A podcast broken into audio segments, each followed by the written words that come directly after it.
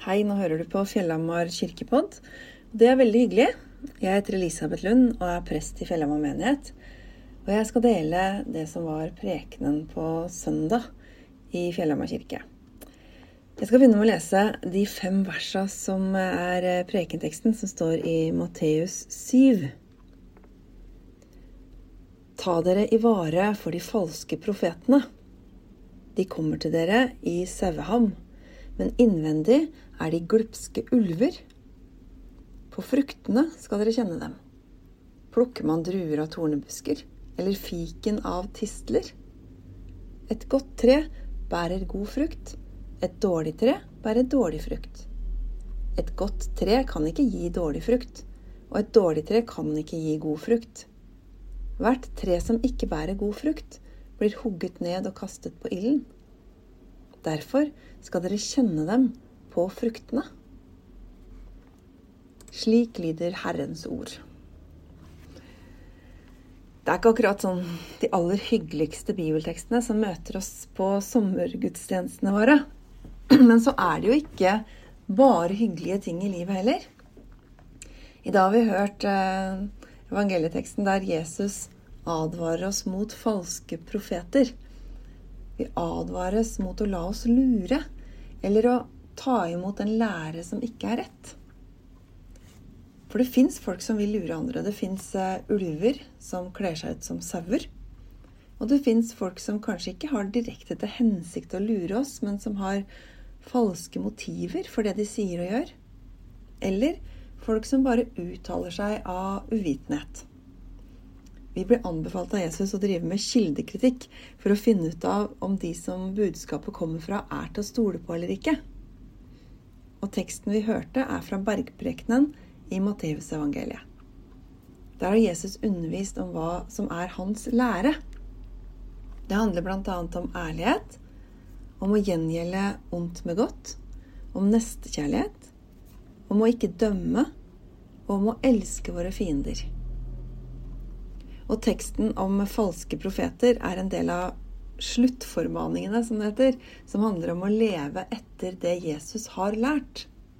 Å gjøre det vi hører, og leve det vi lærer.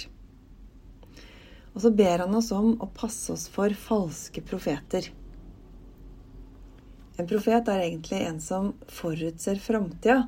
Men både i Det gamle og i Det nye testamentet så er det også en som har status som en religiøs lærer. For å leve det vi lærer, så må vi vite hva vi lærer. Eller hvilken lære vi mener er rett. Jeg tenker at vi først utfordres til å lage en god teologi. Lete etter hva som er sant å si om Gud og om å leve som en kristen. Så utfordres vi til å leve som vi lærer. Jeg har lyst til å si litt om det å skulle lage en eh, sann teologi tenker at en god teologi og kristen etikk alltid er i bevegelse. Ikke på alle måter. Jeg tror at det fins evige sannheter, som f.eks. at vi tror på Gud som skaper, Jesus som døde og sto opp igjen, Ånden som gir oss liv og samler oss som kirke, menneskets verdi, at vi er elska av Gud og skal elske Gud og vår neste som oss selv. At vi skal ta vare på hverandre og på skaperverket. Det er mye grunnleggende teologi og etikk som har vært omtrent den samme fra da Jesus kom. Men det er også en del som har forandra seg. Vi diskuterer ikke de samme tingene nå som de første kristne gjorde. Vi diskuterer ikke om en som vil bli kristen, må omskjæres før han kan bli døpt. Og heller ikke om det er lov å spise kjøtt av kvalte dyr.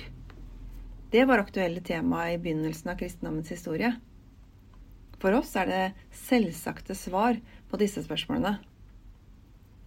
Og etter bibelsk tid så er det blitt diskutert mye som var en selvfølge da Det nye testamentet ble skrevet.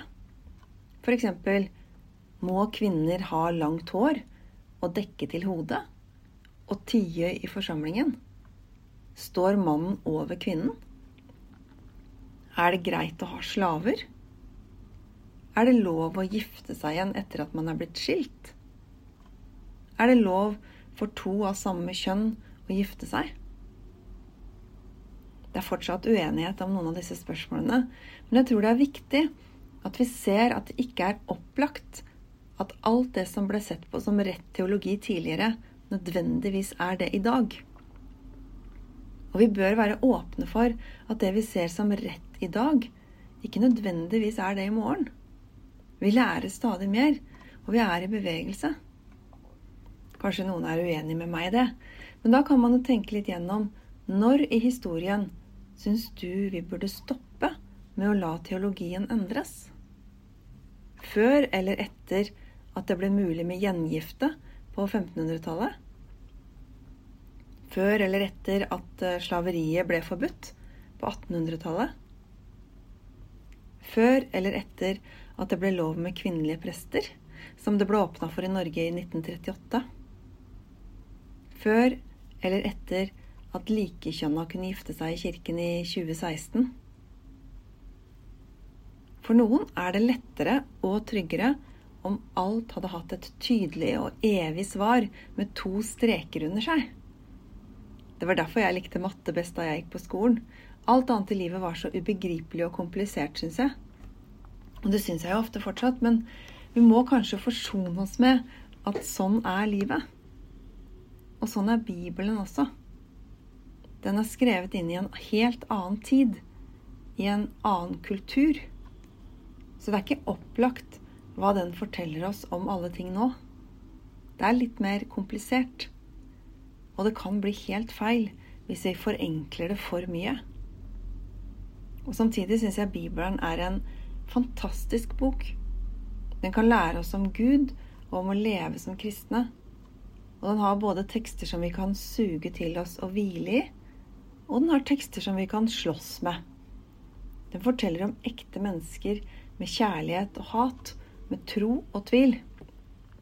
Det er en bok som virkelig kan møte, vi kan møte livet med i alle generasjoner.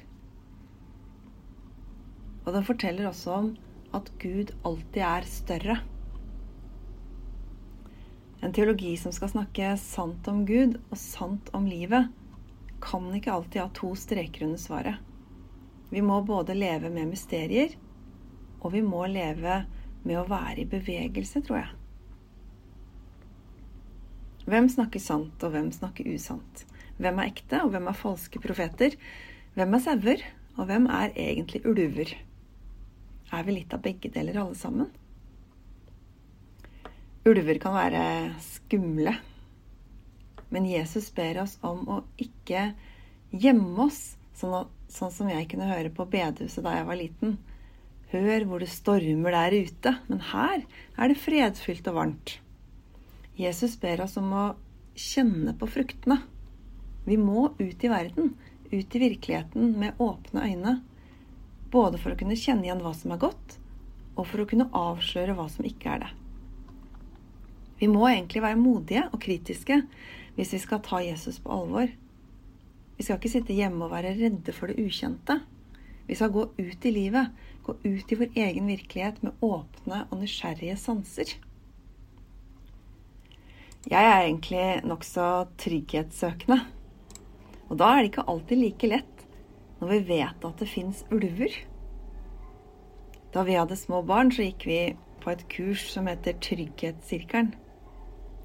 Det kan hjelpe foreldre å gi barna en trygg oppvekst.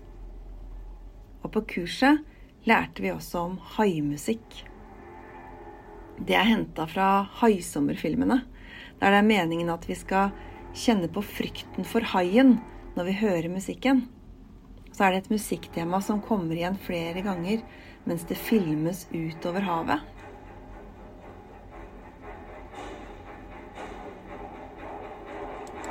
Man kan bli redd av mindre. Men i filmene så kommer haien egentlig ikke så ofte. Den kommer mye sjeldnere enn musikken. På kurs om Trygghetssirkelen så lærte vi om at vi ofte kan høre haimusikk i livet vårt. Både når vi er sammen med barna og i andre sammenhenger.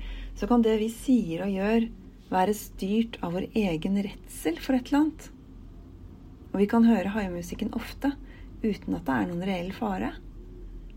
Så det er viktig å skjønne at det er det som skjer. Jeg tror at vi skal være bevisste på om det skjer noen ganger når vi skal finne ut av hva som er sant om Gud og om livet som kristne også. Holder vi oss fast i noe vi alltid har ment, fordi vi er redde for at alt skal rase om vi begynner å tenke annerledes? Eller gir vi slipp på noe vi mener er viktig, fordi det blir skummelt når flertallet mener noe annet? Blir vi blinde for den gode frukten som finnes, fordi vi tror at treet den kommer fra, er dårlig. Kanskje fordi det minner oss om noe som er litt skremmende. På fruktene skal dere kjenne dem, sier Jesus. Vi er gitt mulighet til å skjelne mellom god og dårlig frukt. Og i Galaterbrevet 5 kan vi lese om åndens frukt. Det er kjærlighet, glede, fred, overbærenhet, vennlighet, godhet, trofasthet, tålsomhet og selvbeherskelse. Og Jesus har sagt at det største av alle bud er å elske Herren vår Gud og vår neste som oss selv. Det er gode rettesnorer, tenker jeg. I møte med noen meninger og holdninger så hører vi kanskje haimusikken. Da må vi ta ansvar for å bruke hodet og hjertet. Og også avsløre oss selv, så ikke redselen får styre hvilke meninger og holdninger vi har til temaer eller andre mennesker.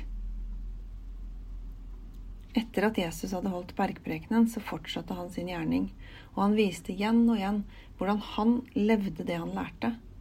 Han gjemte seg ikke bort på et trygt sted.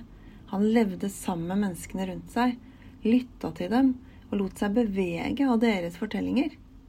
Han lot seg påvirke. Han hadde respekt for og kjærlighet til menneskene han møtte, og han hadde et klarsyn for virkeligheten. Jesus lever sammen med oss, midt i livet. Vår utfordring er å gå ut i vår egen virkelighet med klare sanser og se verden med Jesu øyne. Med kjærlighet, med respekt og med klarsyn. Og lete etter god frukt. Etter kjærlighet og vennlighet. Og vi kan være modige, for Jesus er også i vår virkelighet i dag. Han er midt i livet, sammen med oss. Ære være Faderen og Sønnen og Den hellige ånd som var og er og blir en sann Gud fra evighet til evighet.